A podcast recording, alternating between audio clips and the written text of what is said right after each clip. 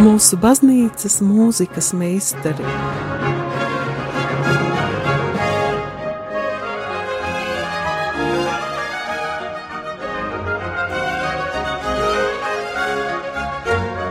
Studijā Dace Dreimane. Kristus ir augšām cēlies, Patiesi augšām cēlies. Dārgie radiokamā arī klausītāji, kā dzirdat, studijā es neesmu viena. Šodien esmu aicinājusi interesantu ciemiņu. Esmu aicinājusi cilvēku, kuru es jau diezgan krietnu laiku pazīstu, gandrīz desmit gadus, un ar kuru mani saista kopēja muzicēšana. Tātad tas ir mūziķis, turistu gids un vidzemes augstskolas students Grigorijs Salnīts. Es esmu sveicināts, Grigorij, kā, kā tev, uh, kā tu jūties šeit, Radio Marijas studijā? Pagaidām viss labi, paldies. Pagaidām viss labi. Jā, kā zināms, um, daudziem Latvijas iedzīvotājiem šobrīd ir varbūt vilšanās, kas saistīta ar aizbraukšanu, bet ir arī citāda pieredze. Ir daudz cilvēku, kas, daudz, es gribu teikt, daudz ārzemnieku, kas atbrauc dzīvot uz Latviju un kas palīdz varbūt mums saskatīt to, ko mēs paši neredzam. Tātad, Grigorija, kā tu nokļuvi Latvijā un kādēļ? Um, šogad aprit tieši desmit gadi, uh, kopš uh, es esmu Latvijā. Un kā tas ir bijis, uh, jo vairāk gadi iet uz priekšu, jo vairāk man liekas, ka tas ir kaut kādā ka tas tiešām ir dieva grība un arvien mazāk kaut kā saskatu tur savu kaut kādu gribēšanu vai savu to plānošanu un iztenošanu, teiksim, bet, nu, stāsts tā teorija ir pavisam varbūt vienkārši, ka mēs esam, es esmu dzīvis Krievijā, Maskavā un kaut kādā brīdī vairāku apsvērumu dēļ mēs, mēs tas nozīmē mana ģimene, es, brālis un mūsu māma, mēs sapratām, ka mēs vairs nevaram uh, dzīvot uh, saskaņā ar saviem principiem, uh, attīstīties un kaut kā augt, teiksim, tur, kur mēs esam, un ka mēs gribam izbraukt prom. Un tas nav, teiksim, ļoti vienkārši izbraukt, obligāti ir jāpierāda, kāpēc un kur un kas. Un tad mēs izmantojam uh, iespēju, repatriācijas iespēju, jo mēs vienmēr zinām, ka mans tēvs ir, um, var teikt, etniskais latvietis, kaut viņš ir arī dzīvis Krievijā, un vispār es esmu ceturtā paudze, teiksim, tie, tie Krievu latviešu. Uh, Un mēs neko par Latviju nezinot, un nereiz te nesot bijuši, mēs vienkārši visu atstājām aiz, aiz muguras un aizbraucam uz Latviju. Interesanti, ka tagad es atceros, kā mēs bijām absolūti pārliecināti, ka tas ir tikai pirmais solis, ka pēc tam sekos, ka mēs ceļosim tālāk. Bet manā gadījumā izrādījās, ka nekur tālāk es neceļošu un negribu, un ka tas nu, pirmais arī pēdējais solis. Jā. Un tiešām bija tā, ka nereizi nesot Latvijā, bija pilnīga pārliecība, ka te varētu nākt un dzīvot. Nekādas pārliecības nebija, bet uh, bija. Uh, jā, nekad, nekad mēs neesam bijuši. Varbūt mamma ir uh, kaut kāda uh, skolas ekskursija, tad vēl padomju laikos.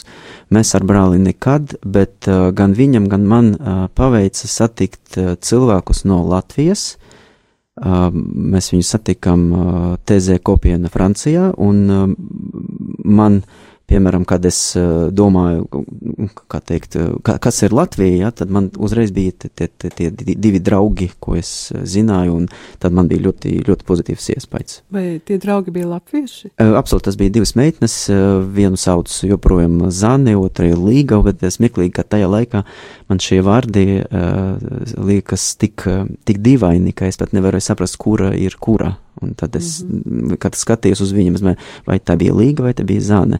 Tagad es ļoti labi atšķiru, kur zāne, kur līga, jo līga tagad, līga tagad sauc manu sievu, jā, bet mm -hmm. toreiz man, bet jā, abas divas latvietas no Latvijas. Un, nu, un kad jūs atbraucāt, jums bija viegli šeit iesakņoties, tā iedzīvoties, un jūs tomēr taču nezinājāt nevienas latviešu valodu. Nezinājām neviens, nezinājām ne, arī, var teikt, ka ne, nevienu cilvēku, tātad manam brālim bija viens draugs Raivis, man bija tās divas draudzenes, un tas bija viss, bet vai bija viegli iesakņoties? Es nevaru apgalvot, kā mēs esam iesakņojušies pat līdz galam, pat šodien varbūt. Manam brālim, piemēram, neizdevās, viņš aizbrauca tālāk, viņam tas tiešām bija pirmais solis, bet uh, es varu teikt, ka es saņēmu tik daudz palīdzības no, no vietējiem cilvēkiem un tik daudz uh, draudzības un vēlmes man palīdzēt un uh, gatavības upurēt savu laiku, savu spēku, savu kaut kādu savu dvēseles uh, enerģiju, lai, lai man būtu labi. Un līdz ar to varbūt negāja viegli, bet uh, tas bija ļoti interesants un uh, teiksim, bagāts, piepildi, notikumiem piepildīts ceļš. Jā, un tavs ceļš arī e, ievirzījās tā, ka tev, ka tu varēji turpināt muzicēt, jo Maskavā, cik es zinu, tu esi mācījies mūziku.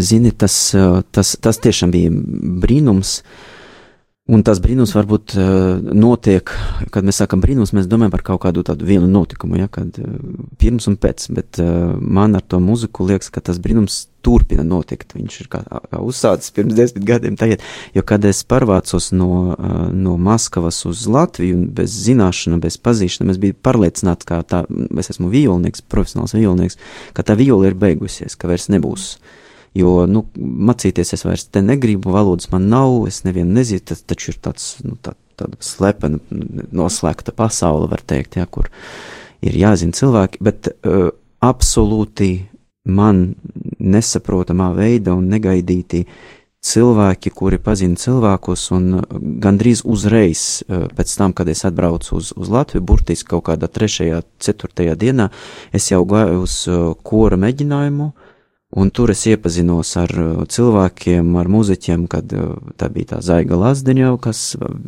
kas pat pēc tam man savēda man ar, ar laudēturu, ja, kur jā. mēs arī sākam uh, diezgan aktīvi. Tas bija tāds periods, kad mēs dziedājām reizi mēnesi obligāti, mums bija koncerti, mēs gatavojamies, bija visu laiku jaunas programmas, un tas, un pēc tam es atceros, mēs dzīvojam Rīgā, mēs dzīvojam Bolderā, un Bolderais muzikas skolas direktori, viņi burtiski noķera mani kaut kur apzaļumojumos apkārt skolai un pajautāja, kā, kā, kā jums ir, vai jūs negribat strādāt skolā? Un es teicu, nu, nu gribu, jā, ko tad? Nu, tad līdz ar to, kā cilvēki apkārt paši man snieguši roku, lai atkal mani uzvilkt uz to mūziku un pat uh, Es eh, droši varu teikt, ka eh, man eh, pa šiem desmit gadiem bija trīs reizes vairāk muzikas nekā man bija visa mana profesionālā dzīve tur, Krievijā. Tiešām brīnumaini tas viss izklausās, bet lai tas uh, neizklausītos tik brīnumaini, es domāju, ka mēs paklausīsimies pirmo mūsu muzikālo uh, numuriņu, kas ir veikts ar, ne, pirmie divi numuri ir veikti ar neprofesionālu, jo mēs paši tos ierakstījām, un tātad tas ir uh, veikts vienā koncertā pirms daudziem gadiem, kad eh, mēs uzstājamies, mūsu ansamblis uzstājās Jāgavas Svētās Annas baznīcā, un tātad šeit dziedāsi Feliks Mendelsona Bartoldī, ārija eh, no oratorijas Pauls, un pie irģelēm būs Zaiga Lāsdiņa Radziņa. Oh,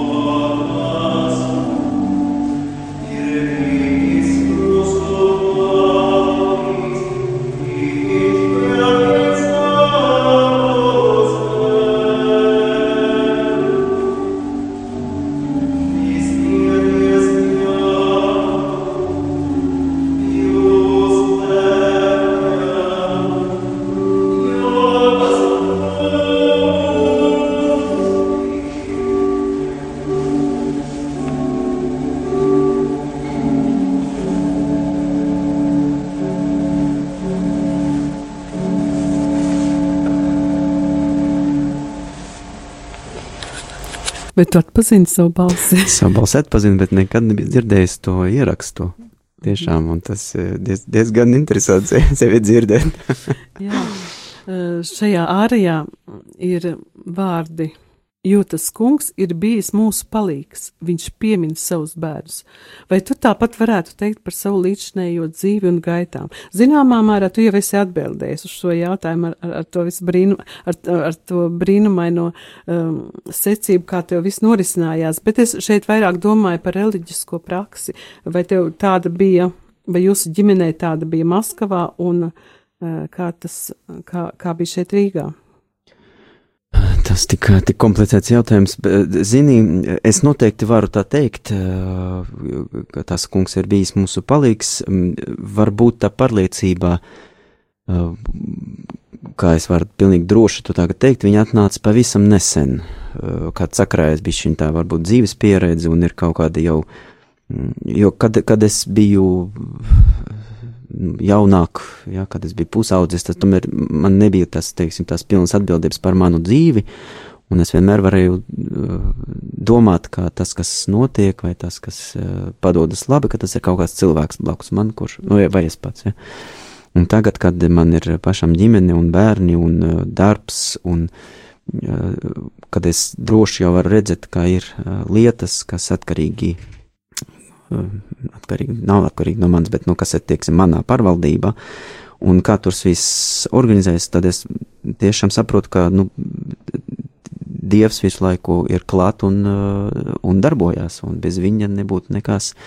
Bet runājot par to ģimenes praksi, tas arī ir garš stāsts un tāds ilgs, jo interesanti, kad mēs bijam, kad mani kad man vecāki, teiksim, taisīja mūsu ģimeni, un kad mēs vēl nebijām projekta, bet, nu, tad, teiksim, mūsu, mūsu ģimenes sākums, tie bija, protams, 70. gadi, un gan tēvs, gan māte, viņi bija absolūti pārliecināti attīsti. Un uh, nekad par nekādu baznīcu tur vispār runas nebija, un tas, tas mēs bijām ļoti tālu, pēc tam piedzima bērni, uh, Un uh, pēc tam, uh, pēc tam numira tēvs uh, un sabruka savienība, un tas viss, ir, tas viss bija, teiksim, viena, viena kaut kāda plaksnē, jo gan tādā sabiedrības kaut kāda rūkšana un viss nevar saprast, kas notiek, un vēl mana māte uh, Uh, viņa bija gandrīz mana vecuma, kad viņa palikusi jaunā traitnē ar diviem maziem bērniem, un viņi vienā gada nomira gan vīrs, gan tēvs, un tad viņa palikusi pilnīgi bez, bez, bez kaut kāda atbalsta.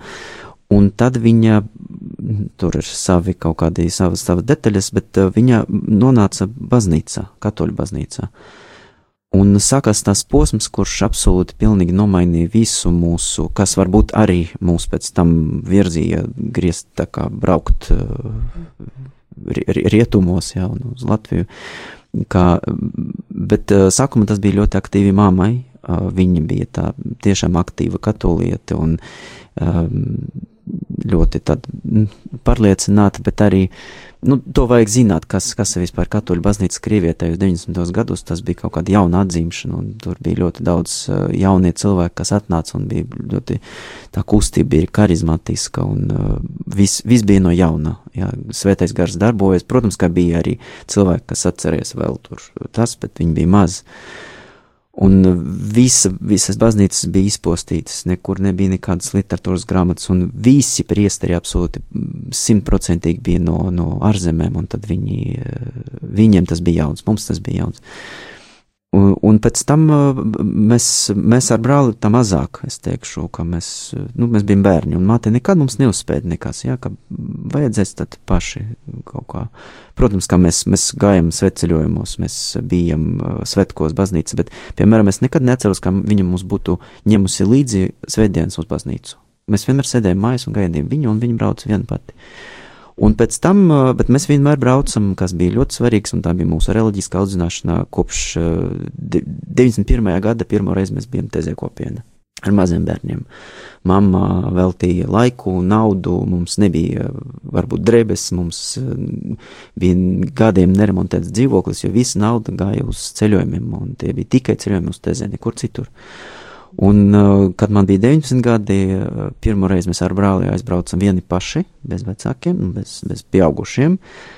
Un es neatceros, man tas būtu ļoti interesanti pašam papētīt, kas un kas noticis, bet uh, kaut kādā sap, ziņā es sapratu, tie 19 gadi, un tur es pavadīju trīs nedēļas, man šķiet, uh, tur Francijā vasarā, un sapratu, ka ir ļoti svarīgi, ja es esmu ticīgs cilvēks, ir ļoti svarīgi mm, uzturēt to ritmu, kaut kādas prakses, kā nevar vienkārši ticēt, teiksim, divreiz gadā. Mhm. Un tad es atbraucu uz Maskavu un es saku, tas bija 2003. gads, tad jau pagāja 15 gadi, kā es uh, apzināti eju uz baznīcu un uh, veidoju savu dzīvi pēc, pēc uh, tā teiksim, kā praktizējuši katolis. Tas nav viegli un, protams, ka ne, nevienmēr izdodas, bet tā ir mana izvēle, pie kā es pieturos, un tas, es pat, nu, man trūkst vārdi, lai pateiktu, kā tas uh, kā tas palīdz uh, uzturēt gan garu, gan veselību, gan uh, nu, turēties vispār pie kaut kāda sapratnes. Sakārtot dzīvi visos, visos, visos, visā, visās nozīmēs. Jā, jā mēs uh, minējām par to muzikālo izglītību. Es domāju, ka uh, mums būtu laiks paklausīties tevi kā violnieku. Ehm, par laimi tu neaizmirsi violi Maskavā, un uh, viņi ir ar tevi vienmēr, un šeit tad ir iespēja to dzirdēt. Un arī, kad bija mm, pārraides, dievkalpojuma pārraides no Bolderājas baznīcas, es uh, dzirdēju, ka tur mm, skan brīnišķīgi violi, un sapratu, ka tā, tā, tā ir tā tava balss. Tātad tagad skanēs. Um, Gaetano Donizetti duets Ave Marija, čēla partiju spēlē Ludmila Romanova Ivanicka, pie klavierēm Irēna Sedola un viola tātad Grigorijas Salnica. thank you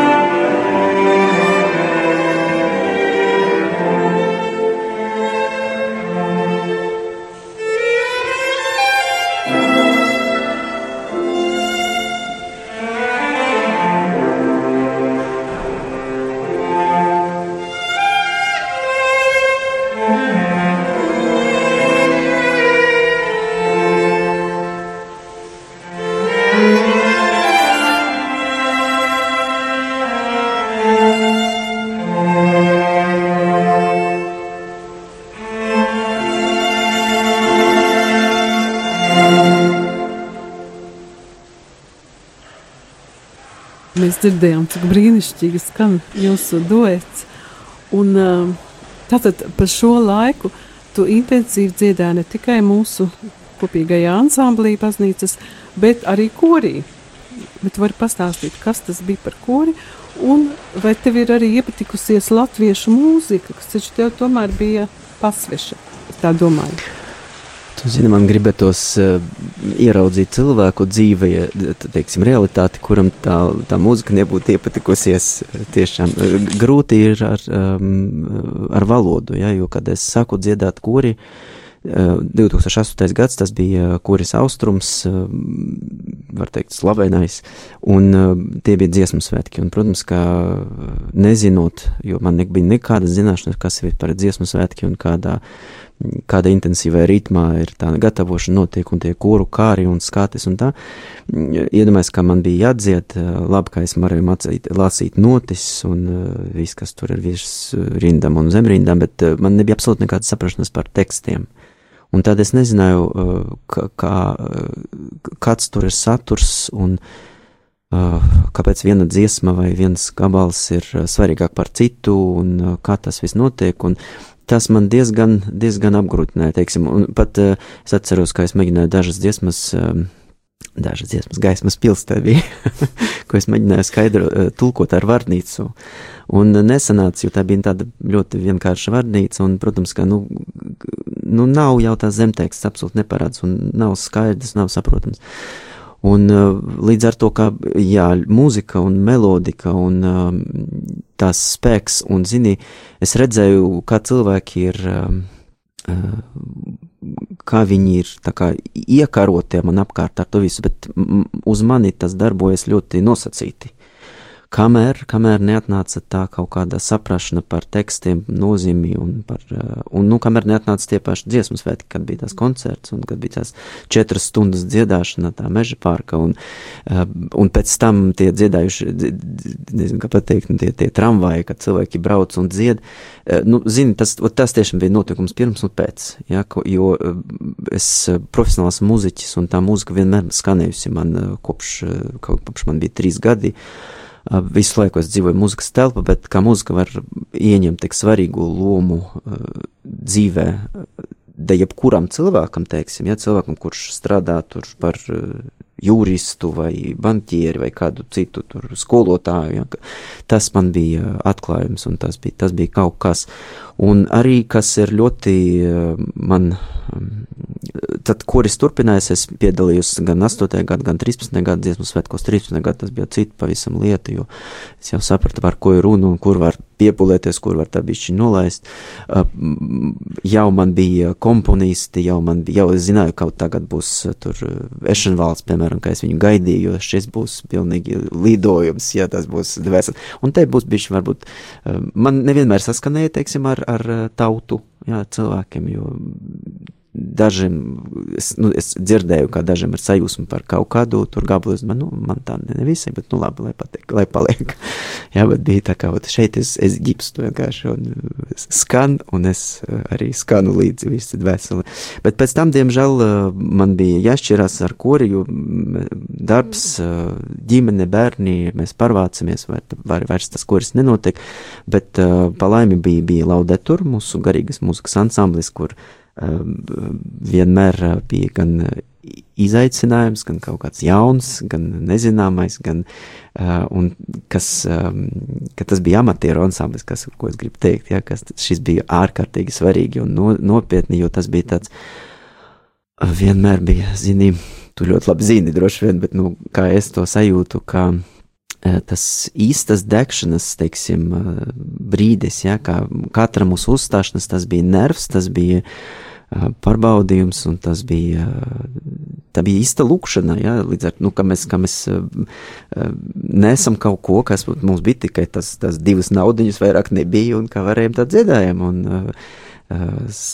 katru reizi tas bija tāds, tas tieš, tiešām piedzīvojums, un vēl bija tā jau pieminēta zaiga lāzdeņa, kas, kas vispār es varu teikt, ka viņa nekad necentījos man kaut ko, teiksim, iemācīt, bet es varu tagad viņu ieskaitīt savu, savu mūža skolotāju rinda, jo viņa bija tā, kas mainīja manu attieksmi pret mūziku. Ja, ka viņa teica, ka es neatceros, vai viņa tiešām tā teica, vai vienkārši to man radīja ar savu piemēru, ka mūzika tas ir prieks, un prieks nevar būt mokošs, teiksim, cik tas nebūtu stulbi teikt, ja, ka, ja tev patīk, tu dari. Un tu pēdējā lieta, par ko tev vajag domāt, tas ir par to, ko par tevi domās tā tante trešajā rinda, kas sēž un kas tur, jā, kā, vai tevi tur sanāca viss, nevis, tas ir tavs prieks un uh, dari to. Un tas, tas es cenšos tagad vis, visā savā mūzikas praksē dzīvot ar tādu, tādu moto, ka mūzika tas ir prieks pirmkārt man, ja, un es to devināšu ar citiem. Un pēc tam tur darbs, tur pienākums, tur kvalitāte, prieks, prieks. Iespējams, tas ir arī iemesls, kādēļ Ērika Ešenvalda mūzika tā patīk cilvēkiem un tā pārņem. Jūs arī tur ir tas patiesais prieks un, un, un, un tiešā emocija. Un es sapratu, ka tev tiešām ļoti patīk Erika Ešenvalda un īpaši uh, Osalu Tāris Hostie. Jo tur ir visi vārdiņi saprotami, vai ne? Zināmi. Jā, un tu... mūzika arī nes mūzika nes un vārdi saprotami, bet uh, tur tiešām tur ir, uh, pat, man šķiet, ka pat ja nebūtu tie vārdi, ne, vārdi, protams, ka viņiem ir liela nozīme, un, uh, bet uh, man šķiet, ka mūzika ir tik uh, debešķīga absolūti, ja, un es, man paveicas dzirdēt un piedalīties atskaņu, ļoti labajā atskaņojumā, tā tā Olsa Lutāris, un um, kad skan tas um, duets. Nevis duets, bet skan tas koloratūrais soprāns. Tad mm. es, man šķiet, ka es esmu debesis jau uzreiz un vārti jau vaļā. jā. Labi, tad mēs arī paklausīsimies. Debesīs. Darbu, jā.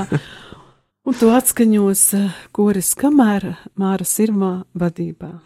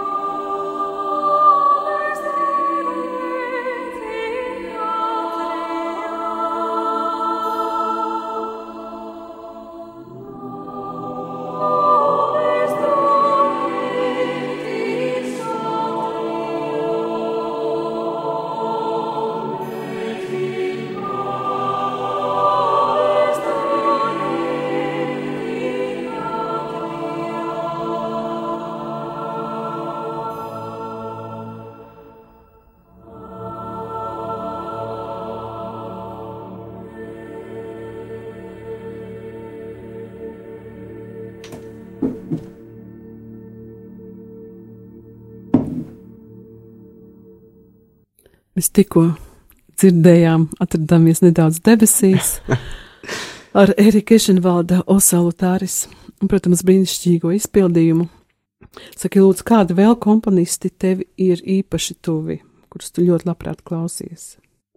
Tā grūti, grūti nosaukt, klausos, jo es zinu, kā man, kā kopš pusauģa kaut kādiem gadiem, man vislabākā mūzika vispār tā, tā ir, tas ir klusums. Jo viņas ir tik daudz apkārt un skan, un, un jo īpaši tagad, kad, nu, tagad tas ir, tas nozīmē kaut kādu pēdējos 15 gadus, kad mums viss, jebkurā vietā skan kaut kāda mūzika. Pat, un tas liekas, ka tas ir pašsaprotami, bet es vēl atceros tos laikus, kad tā tā nebija, kad mūzika tas tiešām, tas bija, teiksim, piepūles kaut kādu pieprasīja. Un līdz ar to, ka es neklausos speciāli, es nelieku sev, varbūt, eh, vai ļoti reti es lieku sev kaut ko klausīties, bet es, eh, kad tā, tās notiek, tad eh, man ir trīs, trīs žanri, varbūt, vai trīs kaut kādas tādas liels, liels grupas. Tas noteikti ir Bahs. Hendelis man patīk viņu spēlēt, bet uh, man nepatīk viņu klausīties.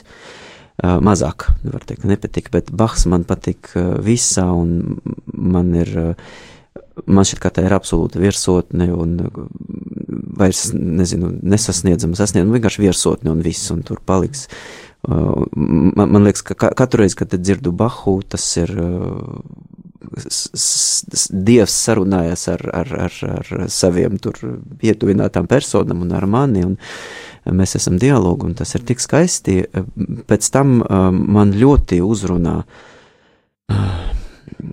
romantiska mūzika, ne visa, tur man ir arī savas preferences, bet, teiksim, tā 19. gadsimta pirmā puse, otrā puse mazāk, bet tā pirmā puse, un tajā, tajā skaitā arī Šopens, es kad es biju viņa jaunāk, man, man bija sajūta, ka varbūt tas ir nu, liecina par kaut kādu sliktu gaumi, vai nevajag to pieminēt, kā normāli. Tā labajam cilvēkam jau nevar patikt eh, tie, tie uh, asaras uh, un emocionalitāte, bet tagad es domāju, ah, lai būtu, jā, man patīk, un ir pat gabali, kad es arī, kas saistīti varbūt ar kaut kādu notikumu manā dzīve vai ar kaut kādu emociju, ka es pat atļaujos, teiksim, tā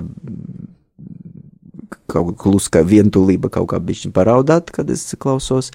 Un man arī uh, ir trešā, teiksim, tā lielā, lielā sadaļa, tas ir uh, 20. gadsimta uh, starpkāru periods, uh, gan dziesmas, gan deju mūzika, jo tajā periodā ir ļoti, mūzika bijusi ļoti augsta kvalitāte Eh, instrumentāla mūzika, un eh, arī tekstiem bija lielā nozīmē. Tad līdz ar to es eh, varbūt visbiežāk manī tieši uzrunā tas, to pat nevar nosaukt par retro, ja, bet nu, kaut kāda tāda mm, cits laikmets, mūsu, mūsu vecs, vecāku laikmets, teiksim, kad, kad viņi bija jauni tur. Mm.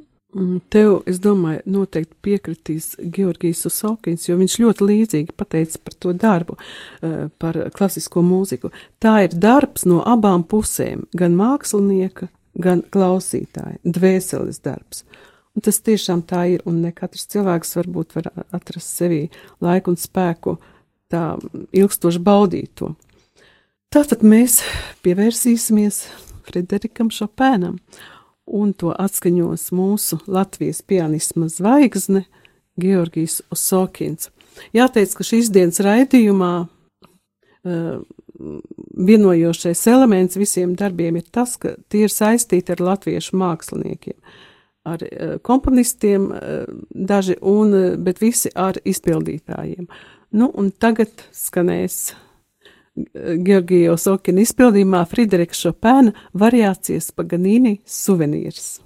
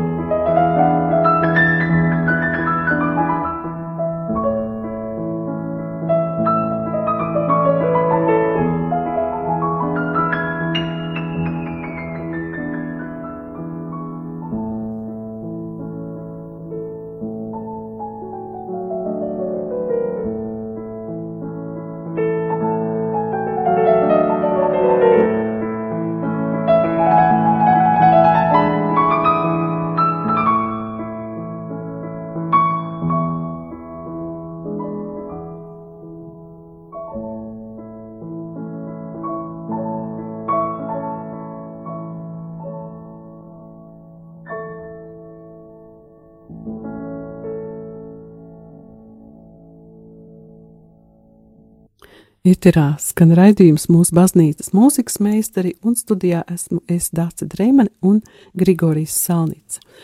Nu, pat dzirdējām brīnišķīgu Osokina izpildījumā Šuberta, eh, es atvainojos, Šopēna darbu. Šuberts būs nākamais. Eh, saki, lūdzu, Grigorija, kā tad mm, ka, eh, par tavu darbu runājot, ar kādiem turistiem tu strādā?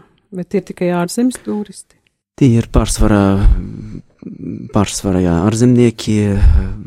Sākumā tie bija, jo redz, ka es nekad nebiju domājis, ka es strādāšu pa gidi Latvijā. Tas vispār man, prātam, nebūtu nācis, bet Uh, sākumā tā bija kā, tā kā bišķiņ piepelnīt naudu, kāpēc gan ne, ja es, man, man interesē ceļot, man interesē vesturē, tad uh, var, bet, protams, kā tajā brīdī, jo es sāku strādāt uh, de, devītajā gadā, uh, es nerunāju latviski, es nevarēju vadīt nevienam latvietim, uh, varbūt man bija ko teikt, bet man nebija ar ko teikt, kā teikt. Un tāpēc eh, sākumā tas bija mm, kaut kādiem cilvēkiem angļu valodā, bet uh, tagad izkristalizējās, ka lielāko daļu no maniem turistiem. Tie ir uh, franču runājušie cilvēki, ar kuriem principā visu gadu visa sezona man ir aizņemta, un es ar viņiem strādāju, bet ziemas perioda, kad franči varbūt brauc mazāk, tad man varētu būt arī kaut kādi angļu runājuši vai, vai krievu runājuši, un šad tad, varbūt pēdējo divu gadu nebija, bet pirms tam bija arī pieredze strādāt ar, ar latviešiem vai ar latvijas iedzīvotājiem, bet, nu, tā kā vadīt jau latviski. Uh, nu, viss, vis, vis, kas ir bijis, bet pārsvarā tagad ir, teiksim, fra, franči. Saki, lūdzu, kas frančus Latvijā visvairāk pārsteidz labā nozīmē? Uh, pārsteidz labā nozīmē. Uh, viņiem, uh, tu zini, kā par, parasti mēs, es ar viņiem dodos tādā garajā pārbraucienā, uh, trīs balsties, Baltijas valstīs, un uh, vienmēr viņi ir ļoti liela iespaida par Tallinu, bet Rīga visiem ir pirmajā vietā. Viņiem, jā, viņus uzrunā pilsētas šarms un viņi jūtas, nu, te vajag saprast, kā nabagiem tiem cilvēkiem no Francijas, viņiem šeit viss ir eksotisks, jo viņiem nav, viņiem ir ļoti maz uh, kaut kāda saskarsme ar mūsu, ar mūsu kultūru, ar mūsu to, to, to kultūras telpu. Uh, tāpat kā mums varbūt Francija, tas ir, ir pilsēta, ai, pilsēta, tā ir valsts uh, aiz Vācijas, tāpat mēs Latvija, tas ir kaut kur tur blakus Krievijai, ja viņi vairāk neko nezin par. Un tāpēc viņiem diezgan varbūt nekomfortabli vispār atrasties, nu, kā, kā jebkur, kur tu daudz maz ko pazīst, bet uh, Rīgā ar saviem, uh, ar savu vēsturisku mantojumu, ar savu kaut kādu atmosfēru, ar, ar savu tīrību, uh, ar to, kā mums ir sakopta vide un kā mums ir tīrs uz ielām, viņi ir tiešām labā, labā nozīmē sajūsmā par to. Jā, un uh, cik tas nebūtu varbūt pārsteidzoši, jo Francija arī ir ļoti bagāta ainaviskā valsts, bet uh, viņiem patīk tā, tā daba, ko viņi redz pa logiem. Jā. Es atceros, tu stāstīji par stārķiem, ka viņi bija pilnīgi jā, pārsteigti. Jā. Eh, starķi un vispār tā, tā dabas eh, tuvība un kā viņi tik viegli var sasniegt eh, viņiem. Viņiem ir arī daļas, valsts daļas, kur tas ir iespējams, un varbūt kaut kāda holandieši viņam vai pavisam tas liekas kaut kāds, nu tā, tā nevar būt. Par holandiešiem kolēģis stāsta, ka viņi prasa izslēgt putnus, jo traucot, trauc gulēt, jā, izslēgt. Viņi nesaprot, ka tie, tie tiešām putni dzied. Bet frančiem tā varbūt nav, bet viņi viņi ļoti augstu novērtē, kā mums daba ir vērtība, un kā viņi ir tuvu, un kā mēs viņu mīlam, un kā viņu var sasniegt, ja gribi. Kā tie holandieši domā, ka putni ir ierakstīti? Jā, jā, jā. Viņi kempingā, viņi visu laiku, bau, visu dienu baudījuši putnus, un vakar deviņos vakarā viņi nāca pie kempinga saimnieces un saka, vai nevar tagad izslēgt, jo mēs nevaram aizmigt. Viņš saka, ko izslēgt? Nu, to, tos putnus, jo vairs gribam gulēt. nu, tu smējies, cilvēkiem ir problēmas ar, ar miegu. Uh, nu, tad man jautājums ir, vai ir kaut kas tāds, kas viņiem liekas nepieņemami? Nu, varbūt sliktā nozīmē. Um, Tu zini, es tomēr cenšos, jo tas ir arī mans darbs, kā gīda. Es jau nesmu tikai varbūt kaut kāda vēstures stāstnieks, bet es, uh, mans uzdevums ir nodot uh, cilvēkiem veidot iespaidu, un es tiešām cenšos veidot uh, pozitīvu un iespaidu, un es nav tā, ka es nerunāju par kaut kādu problēmu, ka es nepieminu, ka viss ir tikai caur rozā brilēm, nē, bet es, uh, es cenšos un es ceru, ka man ir tas, tas uh, sanāk uh, radīt, um, um, ne, negribu teikt tikai to labāko, vai ne, bet uh, lai būtu līdzsvars, jā, ka ir problēmas, bet viņas ir visur, uh, bet uh, kā mēs tos, tās problēmas risinām, kā mēs cenšamies, kā, kā mēs esam procesā. Es, protams, kā ir lietas, par kuriem varbūt frančiem, jo, nu, vajag saprast, kā Latvija ir, mēs šo, šo, šogad mēs svinēsim simt gadus, bet re, reāli tā neatkarība viņa ir ļoti īsa. Uh, un tas pieredzes ir maz, un frančiem tā pieredze ir tu, tu, nu, jau vairāk nekā tūkstoši gadu, viņiem ir valsts, un līdz ar to vairākas mūsu problēmas viņiem absolūti liekas, uh, nu, aptuveni kā mums liekas, tur bērni trešajā grupā bērnu dārza sastritējušies. Nu, protams, ļoti sapīgi, bet nu, vai tiešām tik svarīgi. Bet es vienmēr cenšos radīt, ka, ka mēs esam ceļā vai ne, kā mēs esam ceļā, un tas ir ceļš, un ka, ka ir tiešām vērtīgi skatīties tā, ka mēs joprojām esam uh, būvniecības procesā, mums būvējam savu valsts, un tas patīk, ja mums tas izdodas, tas neizdodas, varbūt, bet tur, kur jums varbūt jau ir nogurums, mums mēs joprojām esam entuziasmā, mēs joprojām esam, uh, mēs, mēs mācamies, un mēs ejam, mēs uzliekam sev mērķi, un mēs virzamies tajā. Un līdz ar to es nevaru pat teikt, ka būs kaut, būtu kaut kas, kas viņiem stingri tā uzreiz kā fūkā tā var. Tas, tas mums nepatīk. Jā. Nu, kaut kas viņi varbūt, kaut kam viņi piekrīt, kaut kam nepiekrīt mazāk, bet, bet viņi, es, es cenšos, ir kaut kas, kas man pašam varbūt ļoti neapmierina, un tas varbūt būtu, zini, ka es absolūti nevaru ciest uh, Eh, kaut kādas žēlošanas, un kaut kā tad, kad cilvēki satiekas savā starpā, diemžēl tas ir tiešām rasturi, raksturīgs eh, Latvijas iedzīvotājiem, kad satiekas eh, divi, trīs cilvēki un saka, kritizēt, piemēram, ministrus vai deputātus vai stāst, nu, kā pie Igauniem te viss ir labā, mums te, protams, nevar. Man, man tik. Es to nevaru ciest, un tāpēc es saviem turistiem es cenšos uh, lai viņi to neredz. Ja, kā, kā mums tā notiek, jo man liekas, ka tas vienkārši slikta, slikts tonis un uh, audzināšanas trūkums, teiksim, tā uzvēsties.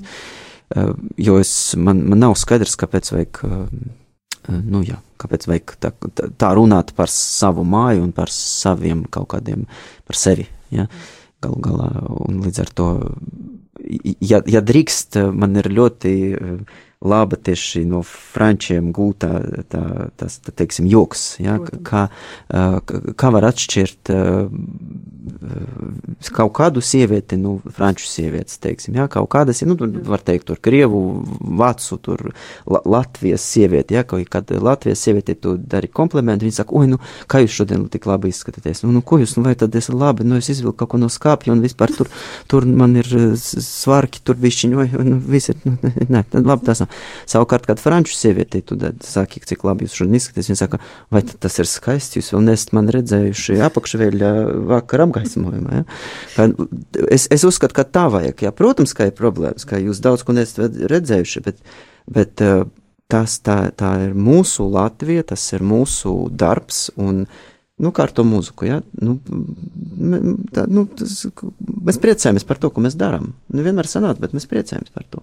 Līdz ar to es cenšos ar turistiem nodot tādu vēstījumu, teiksim, kā, eh, kā šeit varbūt bišķiņ vēl nepabeigts, te vēl ir trūkums, bet uh, mēs, mēs, mēs darbo, darbojamies. Brauciet uh, ciemos vēlāk, un viss jau būs kārtībā. Uh, jā, es vienmēr cenšos arī uzsvērt. Es, uh, zini, kā, kas vēl viens, vēl tā trūkums, varbūt, nezinu, trūkums, ne trūkums, bet, nu, kaut kā tāda problēma, ka Latvijas, latviešu, Latvijas kultūra, ir diezgan uh, noslēgta, viņi diezgan grūti pavērs vaļā citiem cilvēkiem. Ja, un es ļoti, var, ļoti labi pats pazīstu, kā būdams, teiksim, ārzemnieks, bet saka, bez sark, sakaram kā kādam, ja, cik grūti iet tajā, jo latvieši viņi tik forši māk darboties kā spoguļi, ja, viņi atspoguļo tevi, kāds tu esi, tad viņš ar tevi būs. Un tik grūti dabūt no viņa, kāds viņš ir pats par sevi, ja, lai viņš sāktu runāt no, no, no savas sirds, no savas dvēseles. Un līdz ar to es saprotu, ka tiem, tiem pašiem frančiem, kad viņi atbrauc uz šejieni, ka viņiem vajag kaut kādu ceļvedi vai tādu, tādu gidu, vai ne, kurš viņam teiks, ka šis ir svarīgs, šis ir svarīgs skaties, un tāpēc es vienmēr, piemēram, stāstu par dziesmu svētkiem, obligāti, un uh, cik tas nebūtu muļķīgi, cik tas nebūtu naivi un uh, skaidrs, ka neviens nekad neatbrauks tur, nezinu, speciāls dziesmu. Es saku, brauciet, brauciet, jo tas ir brīdis, kad uh, Latvijas dvēseli pavērs vaļā un visiem ir redzama. Brauciet speciāli uz notikumiem, brauciet speciāli, ejiet skatīties, kā svin līgo. Uh, tas varbūt nebūs viegli, viegli, bet tas ir svarīgi. Ja, dariet to. Brauciet novembrī, ja ir augsti, ir drēgni un ziema un sniegs un sniega nav un netīri, bet uh, svētki un tāds gara pacēlums. Tad, tad es cenšos tieši viņiem kaut kādu taciņu parādīt kultūrā. Jā. Paldies tev par to. Tiešām tas um, iespējams tev tas izdodas labāk nekā varbūt uh, kādam latvietim, kuram nav šīs pieredzes, kā ir būt svešniekam šeit. Tie, kam ļoti labi izdodas nest un pavērt Latvijas dvēseli, tie ir mākslinieki. Un tagad mēs atkal klausīsimies latviešu mākslinieci Vinetu Sarēku, kas brīnišķīgi izpilda tavu romantisko mūziku, un šoreiz tas ir Šuberts. Šuberta fantāzija do mažorā, violei un klavierēm.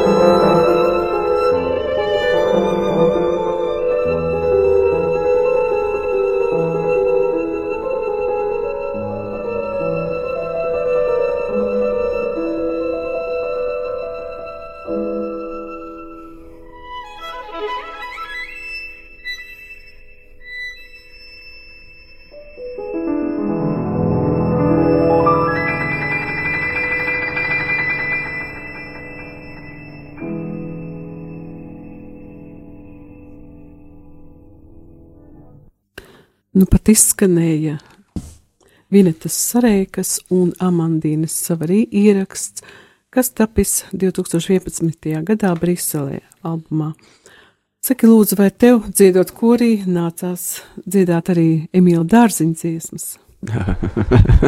Bet, protams, un pat uh, bija, uh, mums austrumam bija speciāli, speciāli koncerts velcīts, uh, es jau neceros, kurā gada, varētu būt kā sagatavošanas brīdī dziesmu svētkiem, jo tur, protams, ir ļoti daudz tas dārziņu dziesmas, bet bija tā, ka Um, nu, tas atkal ir tāds, tāds aspekts, ja, kā uh, Latvija tā, tā ir kora obligāta literatūra un visiem zinām, un tas uh, varbūt dažiem cilvēkiem un dziedātājiem varbūt jau tāds uh, zināms kaut kāds skepsis un uh, riebums par to mūziku, kur jau speciāli profesi īpaši profesionāļiem, ja, kur jau to dzied, nezinu, tur 30 gadus.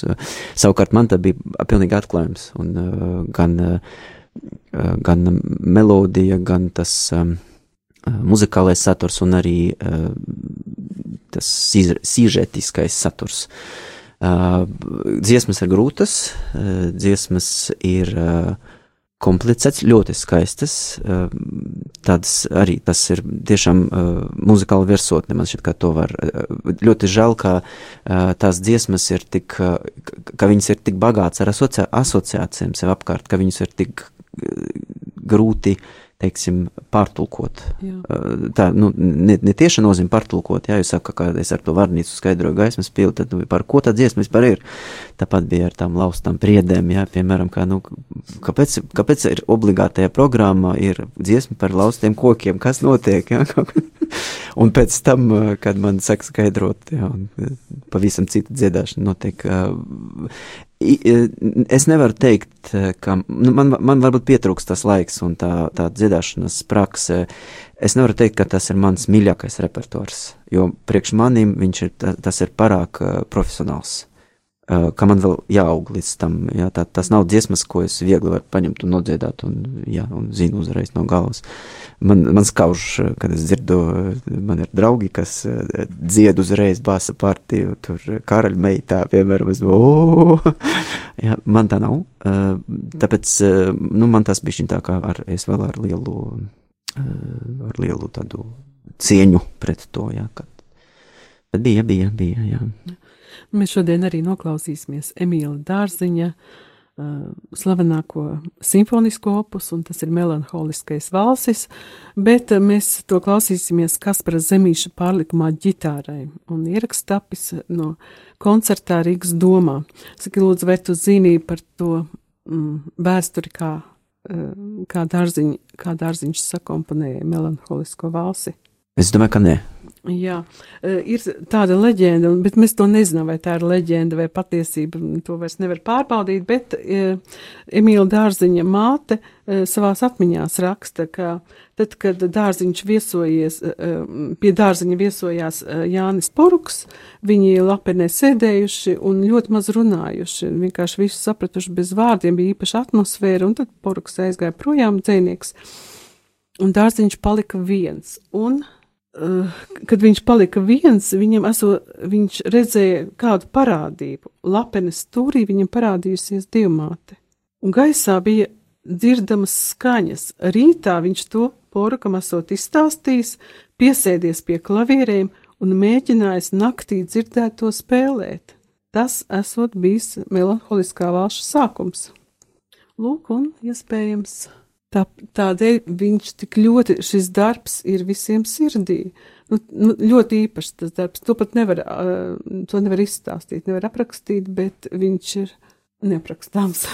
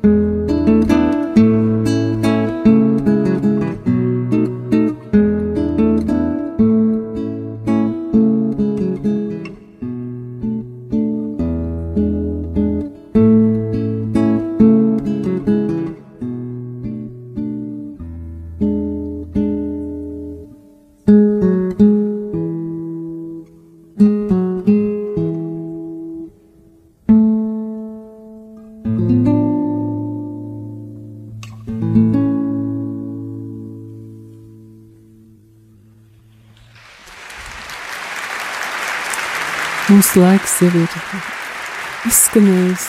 Tev sirsnīgs paldies, Grigorī, ka tu atnāci. Vai tev būtu kādi noslēguma vārdi, kāds novēlējums mums visiem šeit Latvijā, ko tagad pateikt redzījuma beigās? Bija gatavs tādam novēlējums. Man šķiet, ka mēs varam atgriezties pie tā, ar ko mēs uzsākam mūsu šodienas sarunu ar tevi. Un, uh, Mans novēlējums būtu visiem atcerēties, ka mēs ļoti bieži mums ir tāds stereotips, ka laime tas ir tad, kad viss ir labi. Un tad līdz ar to, kamēr viss nav labi, tad mums arī nav laimes. Un tad mēs it kā mēs cenšamies visu sakārtot, un tad, kad sakārtosim, tad būsim beidzot laimīgi. Un man šķiet, ka mums vajag uh, mainīt mums visiem, un uh, mums Latvijā, Latvijas iedzīvotājiem mums vajag mainīt un atgriezties pie kaut kādā tādā, nezinu, dienvidiska vai varbūt noteikti kaut kādā tāda dzīves prieka par to, ka laime ir tad, kad, uh, kad tu saproti, ka Dievs tev stāv blakus un apkārt varētu būt gan vētra, gan karš, gan, uh, ne to dievs, protams, bet, nu, varbūt pārbaudījumi un uh, tums un nakts, bet, ja tev blakus stāv dievs, un uh, a, viņš stāv, bet, kad tu to pamani, un kad tu redzi viņa darbību, tava dzīve, tad, tad ir laime. Un tad tu esi laimīgs, un tad tu esi priecīgs, un uzdevums ir nav varbūt tajā, lai censties, ot, tagad visi vēl piepu, pie, piepūlēsimies un sakārtosim beidzot viss, kas nav sakārtots, bet drīzāk piepūlēties, lai ieraudzītu to, to dieva darbību un, un to dieva žēlastību mums un priecāties tai katru, katru, katru brīdi un priecāties, ka, ka viņš ir, ka viņš klat, ka viņš palīdz. Tas būtu mans vēlējums. Paldies, brīnišķīgs vēlējums. Lai tiešām Dievs dod mums visiem ar prieku sagaidīt mūsu valsts simtgadi, priecāties par katru nodzīvoto dienu un dāvāt prieku visiem, ka, Citiem kas mums apkārt. Jā, paldies tev! Paldies! Paldies par laiku! Ar Dievu tikšanos citā reizē!